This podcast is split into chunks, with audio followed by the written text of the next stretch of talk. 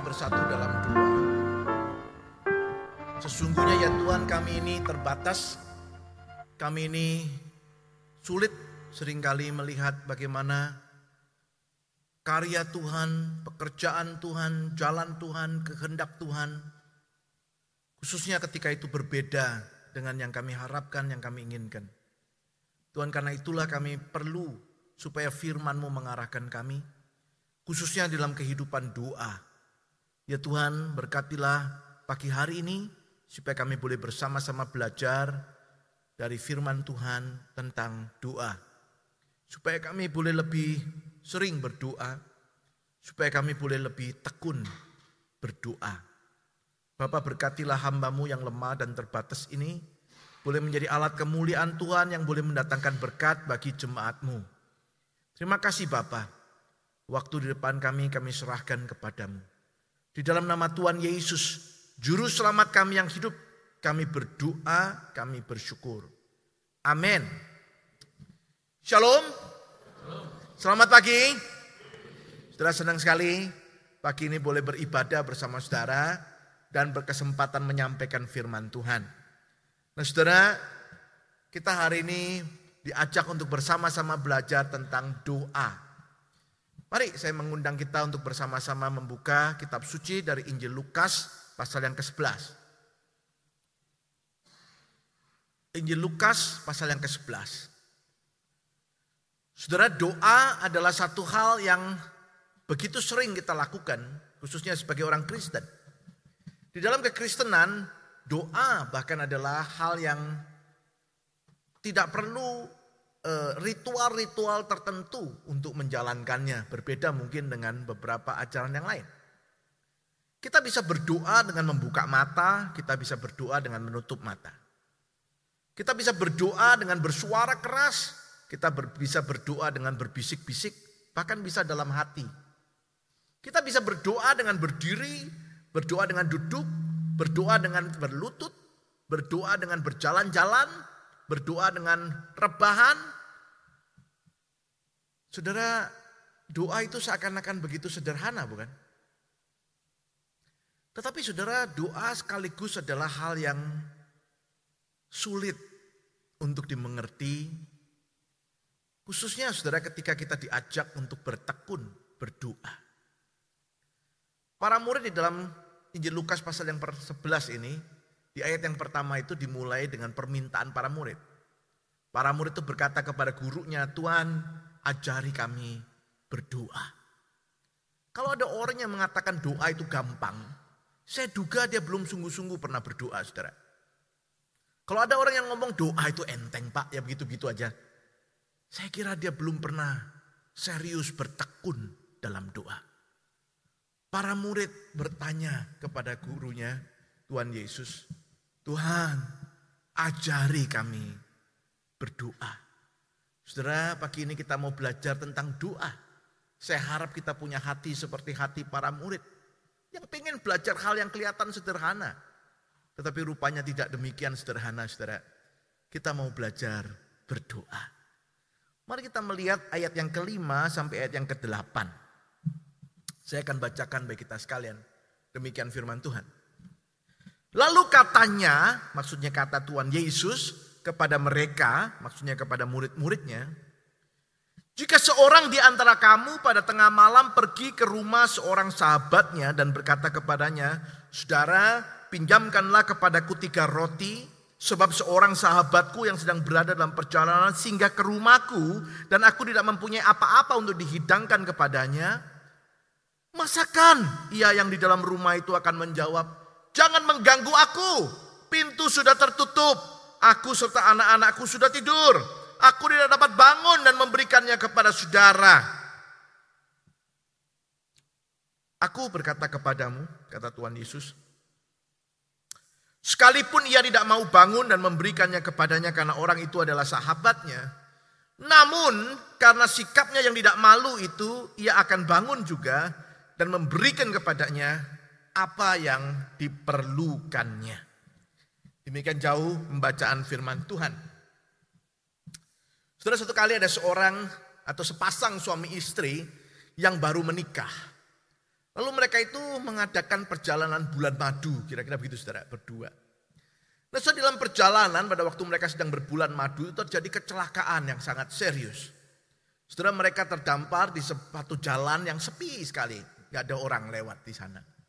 Saudara dengan luka parah kedua orang ini tergeletak di pinggir jalan saudara.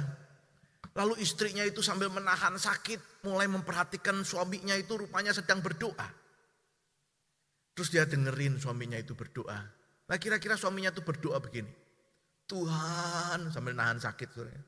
Tolonglah kami. Kalau boleh ada orang lewat bisa tolong kami. Gitu kira-kira ya. Tuhan kata suaminya. Kalau Tuhan tolong kami.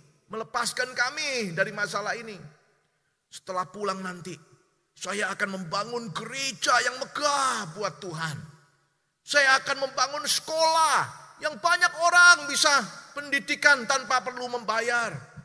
Saya akan mendirikan rumah sakit Kristen yang bisa untuk menolong orang-orang yang sangat menderita, sangat membutuhkan. Saya akan mendirikan, oh dia ngomong terus saudara. Nah istrinya yang di sebelahnya ini, senggol dia. Kira-kira ngomong begini, suamiku katanya. Dari mana uangnya? Sedangkan untuk honeymoon ini aja kita ngutang. Saudara suaminya juga senggol istrinya. Berkata, kita sedang ngerayu Tuhan. Diam saja katanya. Sewaktu membaca cerita singkat ini. Saya membayangkan apa iya ya Tuhan itu bisa dirayu. Dia ini merayu Tuhan katanya. Sudah kelihatan cerita ini konyol bukan? Tapi berapa banyak orang Kristen yang bersikap sama. Dia pikir di dalam doa-doanya itu dia bisa merayu Tuhan. Tuhan, kalau Tuhan kasih aku rezeki ini, aku akan begini, begini, begitu, begitu, begini, begitu. Seakan-akan Tuhan itu nggak tahu apa isi hati kita. Seakan-akan kita janji-janji untuk membuat Tuhan itu terharu lah sama kita. Kayak Tuhan tuh nggak kenal siapa kita. Dan kita berdoa bluffing. Mengira Tuhan akan senang dengan doa kita itu.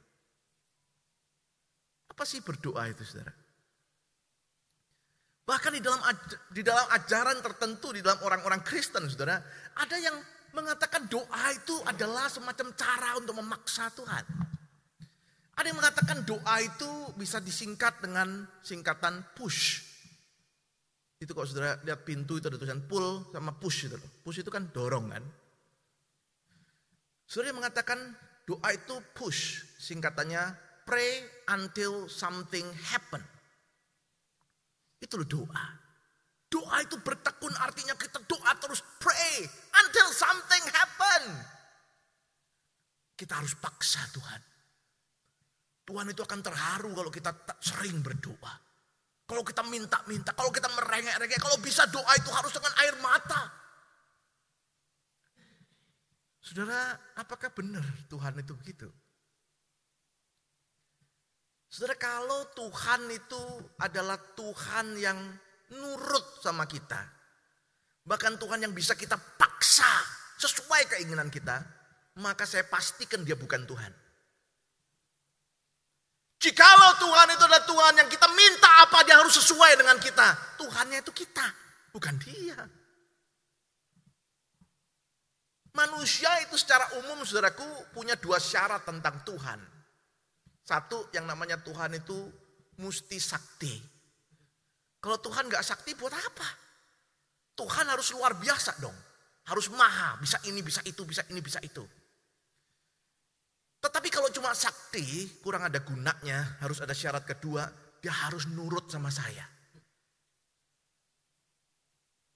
Itu sebabnya orang bisa mengarang cerita Aladin itu saudara. Lampu Aladin itu. Aladin itu menemukan lampu wasiat ketika digosok saudara keluar jinnya. Jin itu sakti mandraguna. Segala dia bisa. Tapi dia panggil Aladin itu master. Tuan. Saudara, manusia pingin punya Tuhan yang kayak gitu.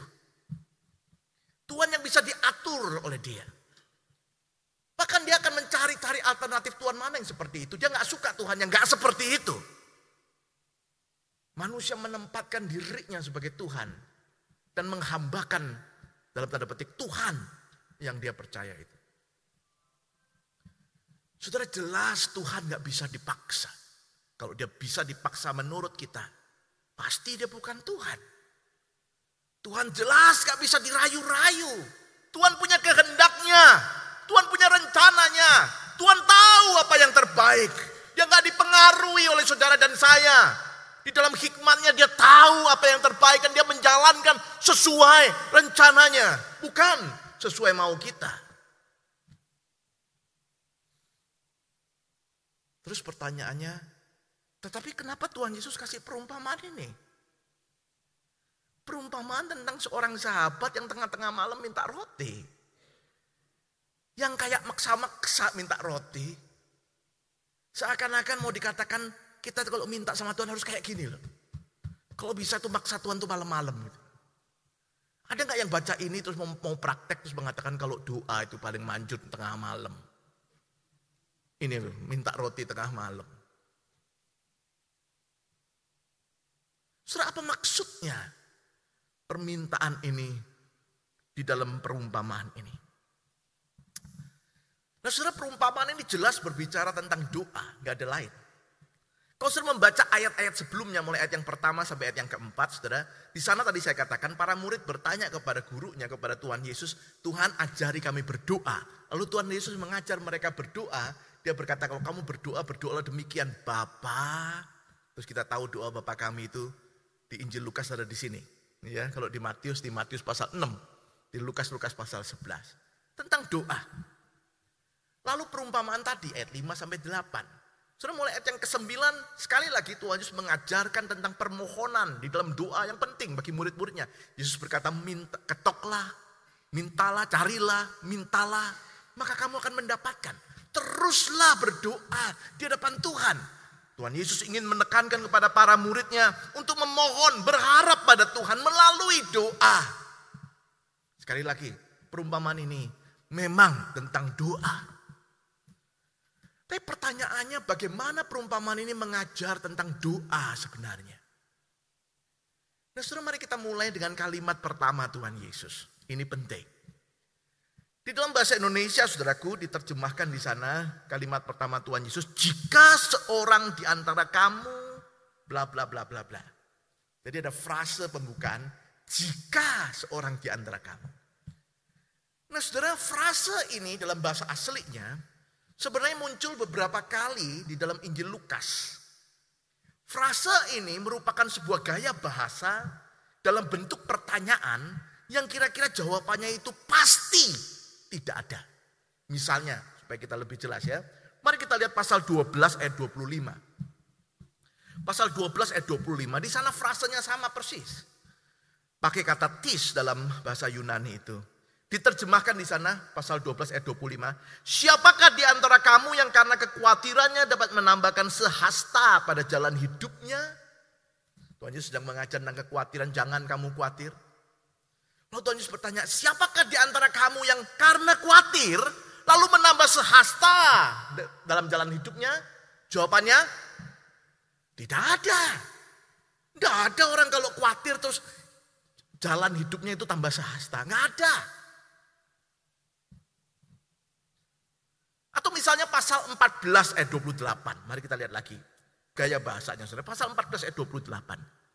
Sebab siapakah di antara kamu yang kalau mau mendirikan sebuah menara tidak duduk dahulu membuat anggaran biayanya kalau kalau cukup uangnya untuk menyelesaikan pekerjaan itu? Jawabannya? Jawabannya? Siapa orang yang mau membangun menara tapi nggak ngitung-ngitung dulu? Kira-kira bisa bangun ini habis berapa? Kira-kira dibutuhkan apa?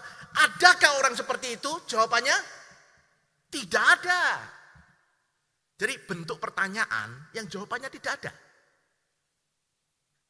Pasal 17 ayat yang ketujuh.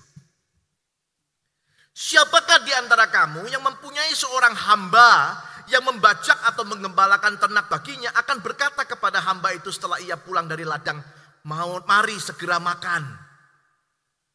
Ada nggak engkau punya hamba yang setelah dia kerja di ladang, di ternak, Lalu pulang terus kita ngomong, mari kita makan. Adakah di antara kamu yang begitu? Jawabannya, tidak ada.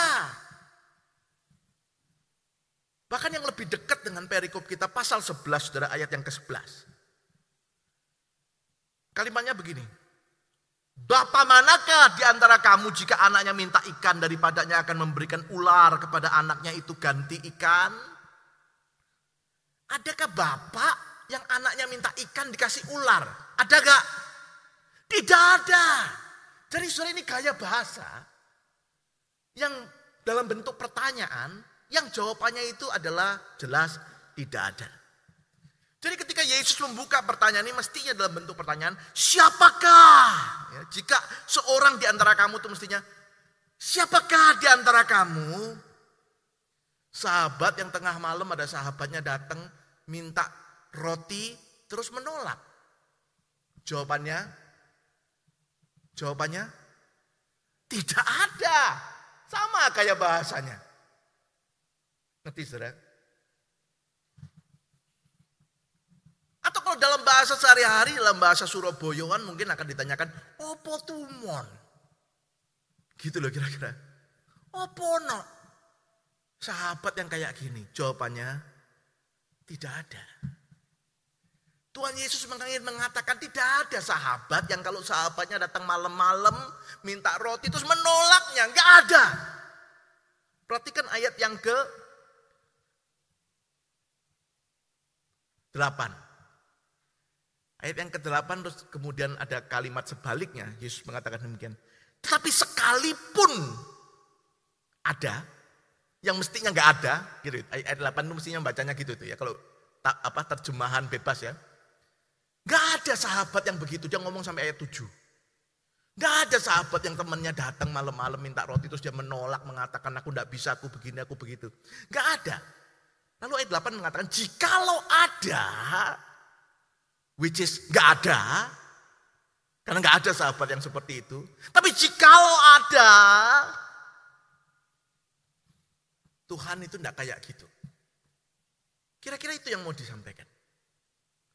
Jadi Tuhan Yesus itu bukan sedang membandingkan Allah Bapa itu mirip sama sahabat ini. Sehingga mengatakan kalau sahabat itu dimintai terus-terusan tengah malam, akhirnya buhat terus menolong, nah Bapak itu mesti kayak gitu juga mintanya. No, bukan begitu cara berpikirnya. Cara berpikirnya adalah sahabat tuh tidak mungkin menolak temennya yang minta itu. Tapi kalaupun andai kata umpama jikalau ada, Tuhan itu different. Kira-kira begitu. Jadi saudara Tuhan itu sedang mengkontraskan antara Allah dan seorang sahabat dalam cerita perumpamaan ini. Persis seperti nanti di pasal 18 Injil Lukas, Tuhan Yesus mengkontraskan Tuhan dengan hakim yang lalim. Dan cerita perumpamaannya juga tentang doa. Terus menarik sekali, di dalam pasal 18 itu, Tuhan Yesus mengatakan ada seorang janda yang memohon-mohon kepada seorang hakim yang lalim. Diulang dua kali, hakim itu lalim, hakim itu lalim. Lalim itu artinya tidak takut akan Tuhan dan menjahati manusia. Terus janda ini minta terus kepada hakim itu, terus hakim itu menolong janda itu akhirnya. Awalnya menolak, terus menolong. Terus terus Tuhan Yesus bukan mau mengatakan, nah Tuhan itu kayak hakim lalim ini loh. Kalau kamu minta terus dia mau kabulkan. Enggak, ini bukan sama. Tapi Tuhan ingin mengatakan hakim yang lalim itu. Karena dia lalim, dia terus menolak. Bapamu yang di surga itu enggak lalim. Bapamu yang di surga itu adil dan setia. Dia nggak mungkin menahan-nahan, tidak menolong ketika engkau meminta kepadanya. Maksudnya itu gitu kontrasnya. So jangan misunderstand. Jangan kita mengatakan berarti kita disuruh maksa-maksa Tuhan. Sampai Tuhan tuh muat. No. Dengan mengatakan kalaupun ada sahabat yang nggak mau bantu temannya. Tuhan itu bukan seperti itu. Kira-kira begitu. Nah saudara kemudian kita belajar di sini. Ketika perumpamaan ini berbicara tentang doa dan maksudnya bukan disuruh seperti yang tadi saya gambarkan. Lalu apa masih perlu kita ini berdoa, apalagi dengan tekun?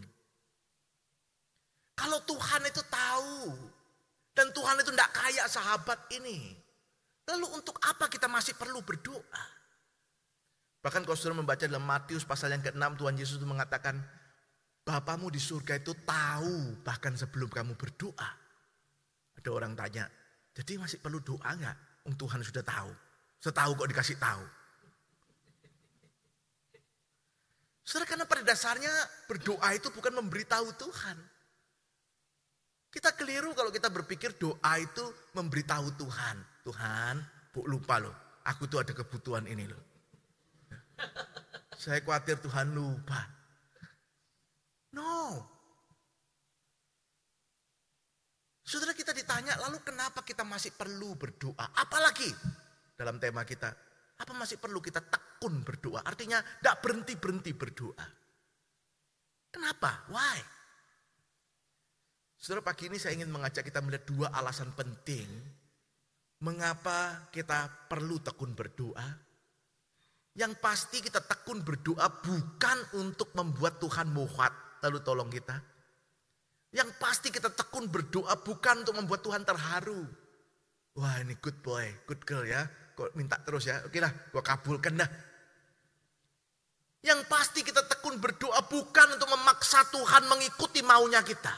No. Terus kenapa kita perlu berdoa, bahkan tekun berdoa? Dua alasan. Yang pertama, saudara kita tekun berdoa karena sifat Allah, karena natur Allah. Seorang yang mengenal sifat Allah natur Allah, dia akan tekun berdoa. Apa maksudnya? Mari kita belajar pertama. So dalam perumpamaan ini, Tuhan Yesus memilih perumpamaan tentang seorang sahabat. Bahasa Yunani-nya itu philos. Menarik sekali, muncul kira-kira 29 kali dalam perjanjian baru, separuhnya di dalam tulisan Lukas. Jadi rupanya Lukas itu senang dengan istilah ini, sahabat. Saudara di dalam kemunculan itu istilah sahabat ini bagi saya menarik. Itulah sebabnya ada cerita ini. Yaitu tentang seorang, ini kan ceritanya ada seorang yang satu hari itu ada temennya datang dari jauh. Terus dia tuh mau kasih makanan, dia baru sadar di rumah nggak ada makanan. Terus hari sudah malam, cari toko ada yang buka. Saudara waktu itulah yang ada di dalam pikirannya adalah pergi ke rumah sahabatnya. Pertanyaan saya, Kok dia tahu sahabatnya itu punya roti? Betul gak? Dia nggak pergi tempat lain. Dia langsung yang teringat sahabatnya. Kok dia tahu sahabatnya itu punya roti?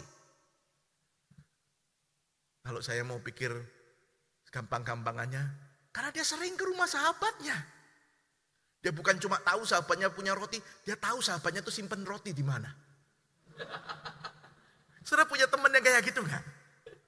Kalau ke rumah itu langsung, langsung pas. Di sana. It's over there. Loh, kok dia tahu?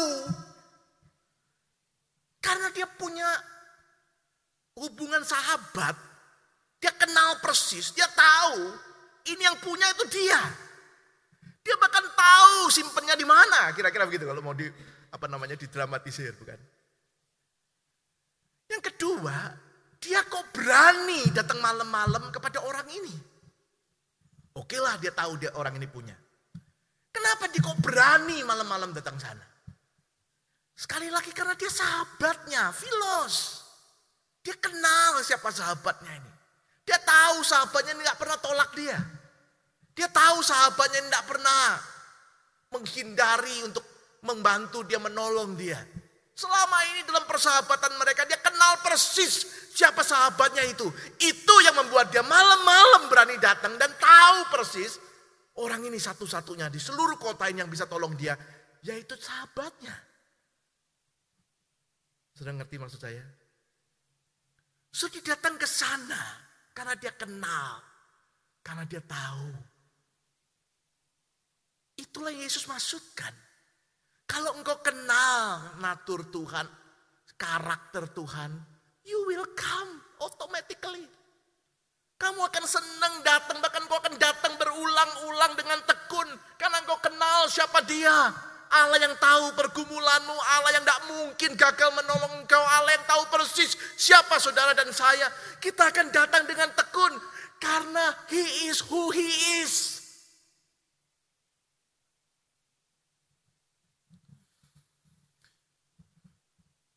Justru yang menarik lagi dalam cerita ini, digambarkan Tuhan Yesus mengatakan begini. Masa masa dia akan mengatakan begini ya? Oh sorry ya, saya nggak bisa bangun. Jadi dia nggak ngomong nggak punya roti. Memang punya roti, rupanya rupanya benar. Dia tahu nyimpen di mana kan. Dia ngomong bukan ngomong nggak punya roti. Dia ngomong sorry ya, saya ini sudah tidur. Ini seluruh rumah sudah tidur. Saya kalau bangun ini mengganggu. Nah orang mungkin kurang bisa membayangkan kenapa kok dia bangun kok seluruh. Boleh nggak kasih gambar yang tadi sebelum ini? Nah saudara, rumah pada waktu itu mungkin kurang terlalu jelas ya, ada satu gambar lagi sebenarnya. E, rumah pada waktu itu, menurut tradisi, rumah Yahudi itu, kamarnya itu satu, tidak ada kamar kayak ada kamar anak, kamar orang tua, tidak begitu. Kamarnya itu jadi satu gitu, saudara. Jadi kira-kira kalau dia bangun, itu memang seluruh rumah itu bangun, kebangun karena dia bangun begitu. Jadi dikatakan apa mungkin yang mengatakan sorry ya saya sudah tidur ini anak-anak semua tidur saya kalau bangun ini mengganggu semua. Artinya sahabatnya ini memang punya roti dan sahabatnya ini memang hatinya itu gampang sekali untuk menolong, membantu. Tapi dia terbatas. Dia punya keterbatasan. Dia tidak bisa bangun karena ada orang-orang lain tidur di situ. Tuhan Yesus ingin mengatakan kalau seorang sahabat itu yang hatinya sungguh mau bantu dan dia punya roti untuk membantu, punya keterbatasan tidak bisa bantu. Your father in heaven is different. Tuhan itu maha kuasa. Dia nggak terbatas. Jadi tidak usah khawatir kalau engkau berdoa dia nggak bisa tolong engkau. Dia nggak terbatas. Itu sebabnya datang berdoa. Tekunlah berdoa. Karena memang dia satu-satunya yang bisa tolong engkau. Kira-kira gitu maksud Tuhan Yesus.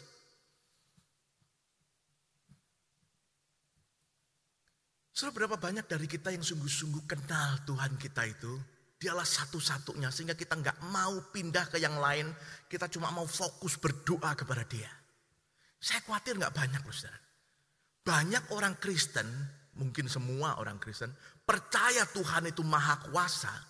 Tetapi saya khawatir tidak banyak orang Kristen percaya Tuhan itu satu-satunya yang maha kuasa. Itu different loh, lain loh.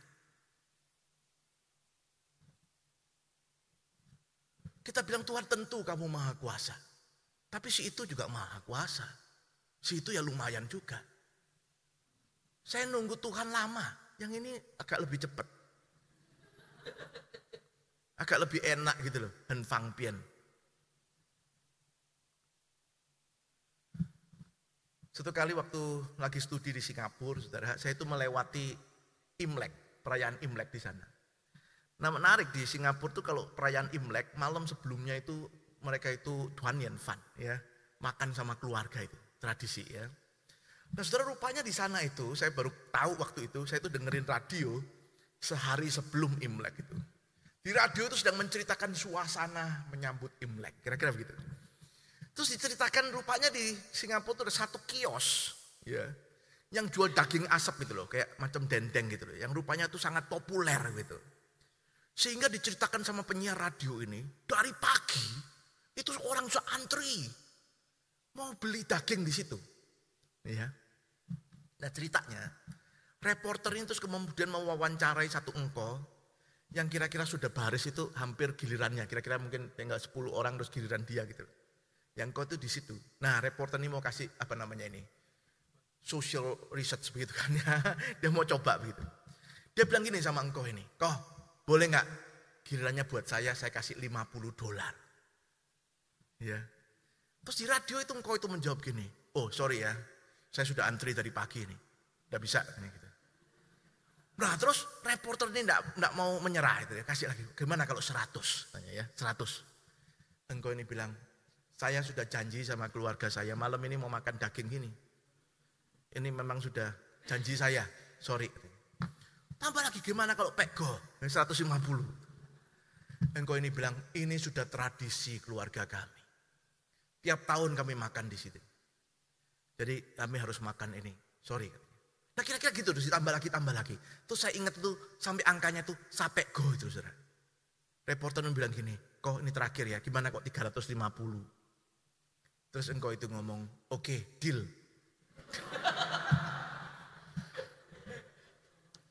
Setelah engkau ini pergi, reporter tuh kasih satu closing statement. ya Dia mengatakan demikian, rupanya harga mengantri daging asap itu 350 sing dolar. Nah waktu dia ngomong kalimat itu, saya tergelitik bertanya dalam hati.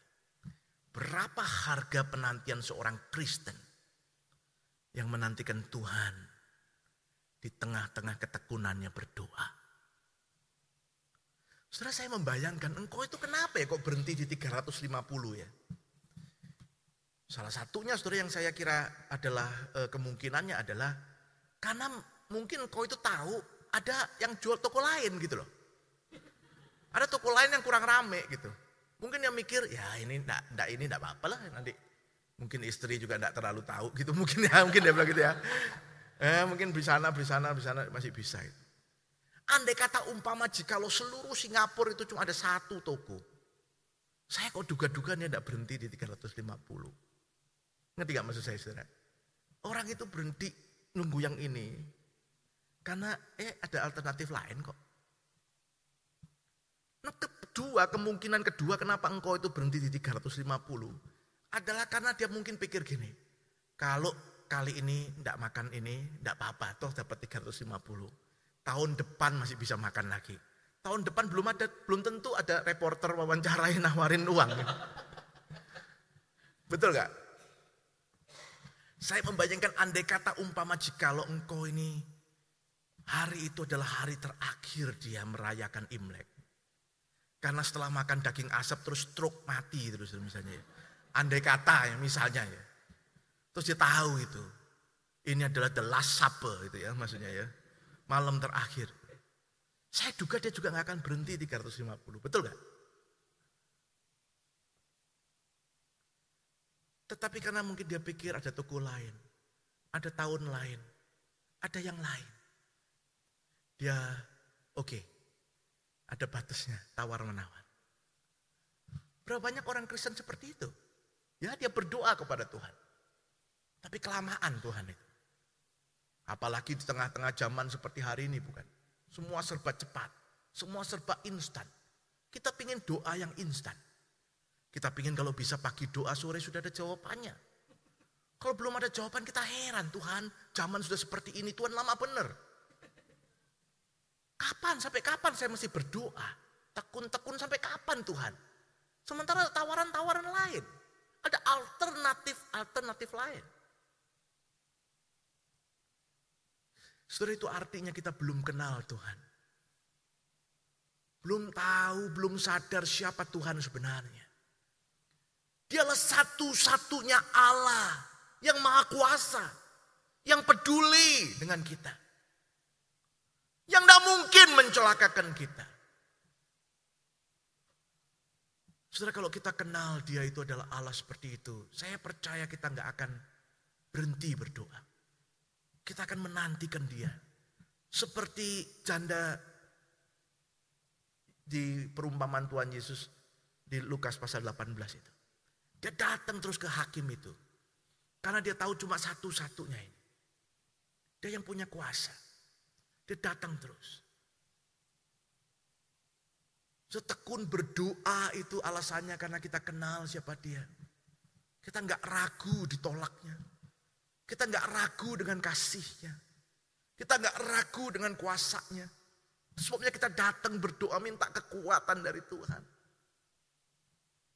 Dan satu lagi saudara yang membuat kita bisa pasti adalah karena kita tahu dia tidak mungkin memberi yang tidak baik buat kita. Tuhan Yesus kemudian ayat-ayat selanjutnya mengatakan, Bapak mana yang kasih anaknya ular, anaknya minta ikan? Atau minta kasih kalat jengking waktu anaknya itu minta telur katanya. Kalau Bapak di dunia tahu memberikan yang baik, apalagi Bapakmu di surga. Kira-kira Tuhan Yesus mengatakan demikian. Dia tahu itu. Masalahnya waktu dia memberi, kita sering pikir ikan yang diberikan Tuhan itu ular. Kenapa? Karena gak sama dengan yang kita mau. Kita dapat jawaban dari Tuhan yang berbeda dengan yang kita mau. Kita bilang, kok Tuhan kasih ular? Aku minta sembuh, Tuhan tidak sembuhkan aku. Dan kita anggap itu ular. Saudara Tuhan tidak pernah bermaksud menjahati kita. Dia sayang pada kita. Dia nggak pernah bermaksud melihat kita lebih banyak meneteskan air mata. Dia nggak mungkin Tuhan yang senang melihat ketika kita kesakitan, menderita, pergumulan. Dia tahu apa itu sakit. Dia menanggung derita yang mestinya saudara dan saya tanggung. Di atas kayu salib. Mana mungkin dia tidak tahu. Tetapi yang membedakan dia dengan kita adalah dia tahu lebih baik dari kita apa yang terbaik buat kita. Dan sering kali yang terbaik buat kita itu memang kurang enak. Tapi itu yang terbaik saudaraku. Kadang-kadang yang terbaik buat kita itu memang ada air mata. Tetapi itulah yang terbaik. Apalah artinya air mata dan rasa nggak nyaman kalau yang diberikan itu sesungguhnya yang terbaik buat saudara dan saya.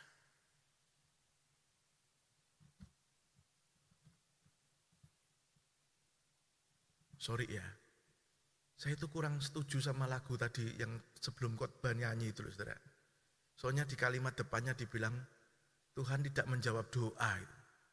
Saya kira Tuhan tidak pernah tidak jawab doa saudara. Tapi kadang jawabannya itu berbeda dengan yang kita doakan itu. Oh Tuhan tuh jawab. Masalahnya kita anggap jawabannya itu kalau tidak sama, kayak kok Tuhan tidak jawab. Kalau Tuhan diem kayak Tuhan kok tidak jawab. Tidak, diem itu bukan tidak jawab. Diem itu artinya belum waktunya. Kamu maksa-maksa sih. That's not what I want. Itu bukan yang aku mau kata Tuhan. So, Tuhan tidak pernah tidak jawab doa. Karena dia yang meminta, berdoalah. Masa dia yang minta kita suruh berdoa terus dia gak jawab doa? No, tapi jawaban doanya belum tentu seperti yang kita mau. Itu problemnya. Satu lagu ditulis syairnya, bagus sekali, boleh next slide. Mengatakan demikian saudara, dalam bahasa Inggrisnya. God is too good to be unkind. God is too wise to be mistaken. Tuhan itu terlalu baik untuk menjahati kita, kira-kira gitu ya. Tuhan itu terlalu bijaksana untuk keliru gitu loh. Eh keliru, mestinya bukan begini, kok dikasih begini. No, Tuhan tidak mungkin begitu. Jadi lagu itu mengatakan, next slide. Dua kali setelah ini. Jadi kesimpulannya, ketika engkau tidak bisa mengerti rencananya, Ketika engkau tidak bisa melihat tangannya. When you cannot understand his plan. When you cannot see his hand. Trust his heart. Percayalah hatinya.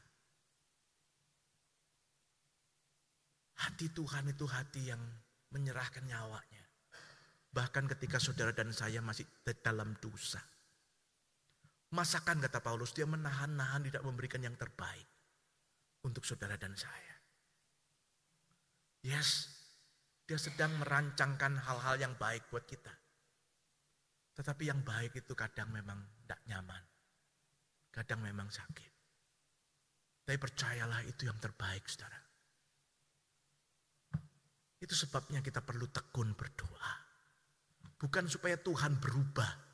Supaya kita diubahkan. Semakin berdoa kita semakin ngerti apa rencananya, rancangannya. Sehingga kita yang dilembutkan, kita yang diubahkan oleh Tuhan. Kita harus tekun berdoa. Supaya kita jadi semakin ngerti, semakin serupa dengan yang Tuhan inginkan. Amin. Yang kedua, saudara, terakhir. Mengapa kita perlu tekun berdoa? Yang kedua adalah terkait dengan relasi, saudara. Relasi. Tadi saya katakan para murid bertanya kepada Tuhan, Tuhan ajarlah kami berdoa. Lalu Tuhan Yesus mengajarkan kalau kamu berdoa, berdoa demikian. Bapa katanya. Nah ini penting saudara.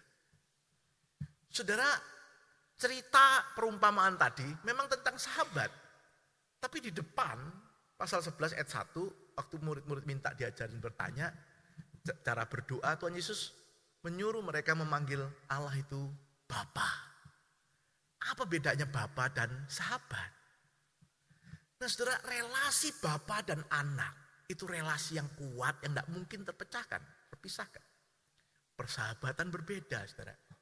Persahabatan sering kali di dalam relasi persahabatan itu masih ada di dalamnya itu relasi timbal balik gitu saudara. Ya, resiprokal begitu kan.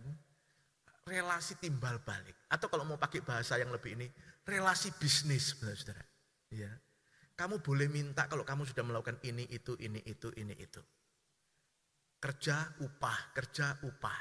Timbal balik. Kira-kira begitu Nah itu rupanya menjadi konsep banyak orang Yahudi pada waktu itu. Kau sering membaca Matius pasal yang ke-6, waktu Tuhan Yesus mengajar doa Bapak kami. Tuhan Yesus mengatakan demikian, kalau engkau berdoa jangan seperti orang munafik yang doanya itu panjang. Mengira bahwa dengan banyaknya kata-kata doanya, doanya itu lebih didengar Tuhan. Yesus berkata, no. Relasi doa dengan Tuhan, dengan Allah, itu bukan relasi bisnis. Tuhan, gue sudah melakukan ini loh. ya Sudah panjang nih ya, saya berdoa. Oh saya sudah melayani. Oh saya sudah persembahan. Oh saya sudah melakukan ini. Saya sudah setia. Saya nggak pernah lewat hari minggu. Saya selalu datang. Saya sudah begini, sudah begini. Jadi sekarang saya minta nih ya. Saya minta, saya berdoa ini. Tolong ditaati ya. Loh, Tuhannya siapa ini kok mulai ngancam?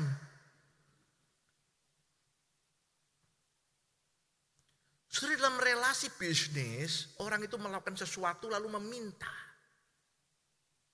Ada dua bahaya. Pertama, orang yang seperti ini gampang marah, gampang kecewa. Dia merasa dia sudah melakukan ini itu tapi kok nggak dijawab doanya. Pernah dengar orang Kristen yang marah sama Tuhan, kecewa. Saya sudah mati-matian buat Tuhan, tapi Tuhan tidak jawab doa saya.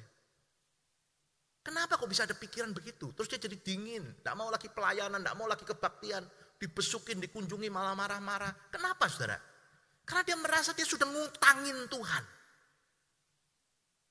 Saya sudah melakukan ini semua. Tuhan harus jawab saya. Tuhan harus dengar saya. Dia marah. Yang kedua, orang yang seperti ini gampang sekali menjadi orang yang menyalahkan diri terus. Kenapa ya kok Tuhan tidak jawab doaku? Pasti karena aku tidak layak. Tuhan masih ingat-ingat dosaku.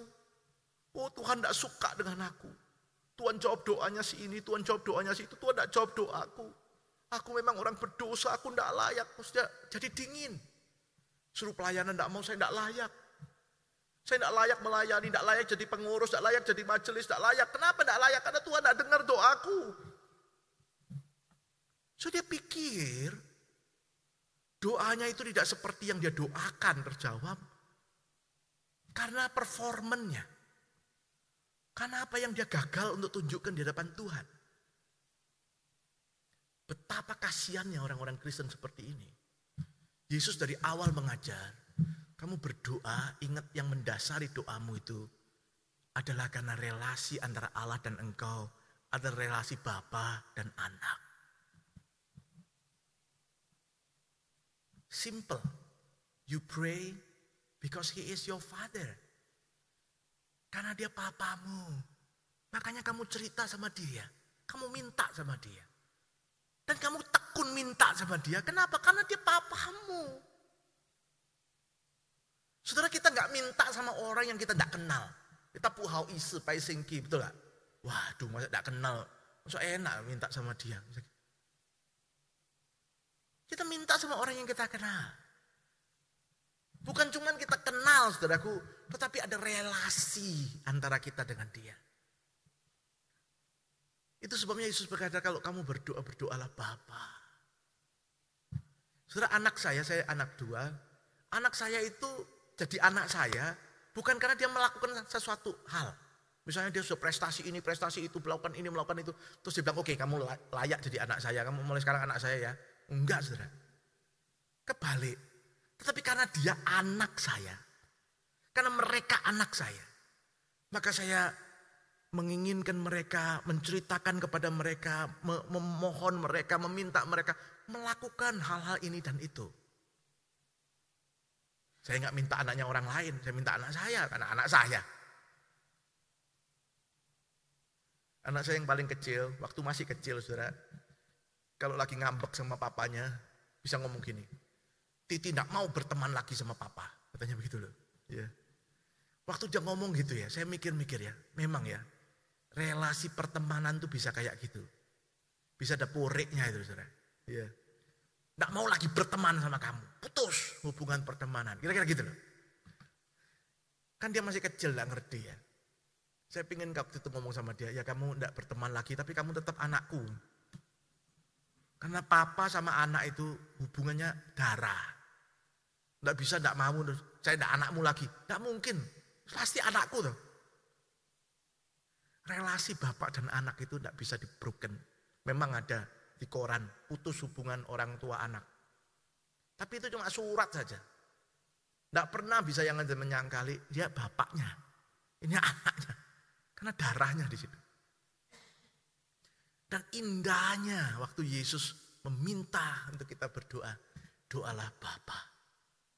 Itu tidak bisa di tidak bisa di, apa, dipecahkan, diputuskan. No, tidak bisa. Itu sebabnya kita tekun berdoa. Kita nggak ragu-ragu gitu loh. Kita nggak takut salah doa. Karena dia papa kita. Kalau kita salah, dia akan perbaiki kita. Kita akan senang berdoa, menceritakan segala yang kita ingin. Kita tekun, rajin-rajin datang. Kenapa ada orang Kristen gak suka bertekun berdoa? Karena dia tidak anggap Tuhan Bapaknya. Betapa malangnya orang Kristen seperti ini. Padahal Tuhan memanggil kita anak-anaknya. Bukankah mestinya kita senang berdoa? Saudara memang ironisnya adalah karena dosa manusia Seringkali dalam relasi papa dan anak di dunia ini, sering kali menghalangi kita melihat Allah itu sebagai Bapa. Khususnya, sorry ya, orang-orang Tionghoa seperti kita ini. Relasi Bapak anak itu kadang-kadang dingin itu saudara. Papa itu kayak figur otoritatif. Yang kurang punya relasi dengan anak. Nah ini harus jadi koreksi termasuk saya saudara. Saya punya seorang teman, hamba Tuhan juga. Ya dulu waktu sama-sama sekolah itu. Satu kali itu saya perhatikan heran ya, kenapa kalau dia berdoa itu tidak pernah menyebut Bapak gitu. Dia selalu kalau doa itu Tuhan Yesus, Tuhan Yesus begitu. Bukan tidak boleh doa Tuhan Yesus saudara. Tapi kalau Tuhan Yesus sendiri ngajari kalau berdoa doa Bapa. Saya heran kenapa ya?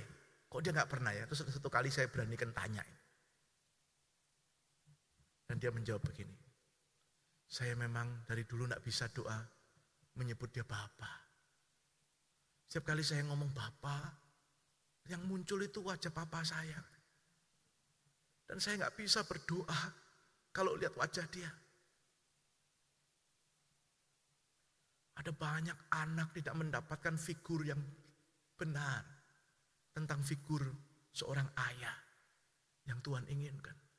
Dan itu menghalangi orang Kristen berdoa memanggil dia Bapa. Ketika Tuhan Yesus berkata panggil dia Bapa, maksud Tuhan juga untuk memulihkan relasi kita. Kita punya Bapa yang bukan Bapa dunia, Bapa surgawi. Dia mendengar doa kita. Dia membuka tangannya. Berkata, mari anak-anakku Aku senang mendengar doamu. Aku senang mendengar ceritamu. Aku ingin memelukmu, menghapus air matamu, menampung air matamu di dalam kirbatku. Aku ingin menyertai engkau. Izinkan aku menggendongmu, membawamu melalui lembah bayang-bayang maut dengan gada dan tongkatku. Saudara, dia adalah Bapa kita. Itu sebabnya kita harus tekun berdoa. Dia senang saudara, seperti kalau saudara adalah seorang papa, mungkin saudara bisa merasakan perasaan itu. Kalau anak itu datang terus cerita kebutuhannya, keinginannya. Sebagai papa saya sering kali sebelum anak saya cerita saya juga tahu. Papa biasa loh padahal. Tapi kira-kira tahu lah kebutuhannya. Ada sensenya itu. Lihat modelnya udah tahu ini butuh apa gitu. Padahal saya manusia biasa. Apalagi Bapak di surga. Dia tahu persis. Tapi dia senang kalau anaknya datang. Cerita. Wah, saya kok pengen ini, pengen itu. Saya kok rasa ini baik, itu baik. Dan dengan tersenyum Tuhan akan berkata, aku tahu yang lebih baik. Trust me, percayalah. Itu sebabnya kita tekun dalam doa. Doa kita bukan mengubah Tuhan. Doa kita mengubah kita. Dibentuk, dipulihkan, lebih memahami, lebih kenal Allah Bapa kita. Kiranya Tuhan menolong saudara sekalian untuk lebih suka berdoa dan untuk lebih dekat dengan Tuhan melalui doa-doa kita. Mari kita berdoa.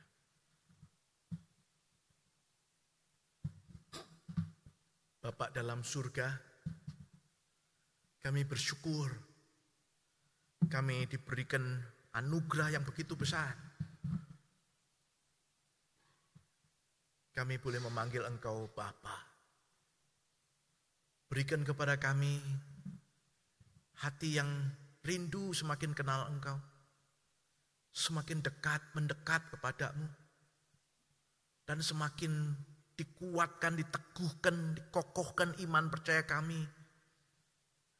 Ketika kami berdoa kepada Bapa kami.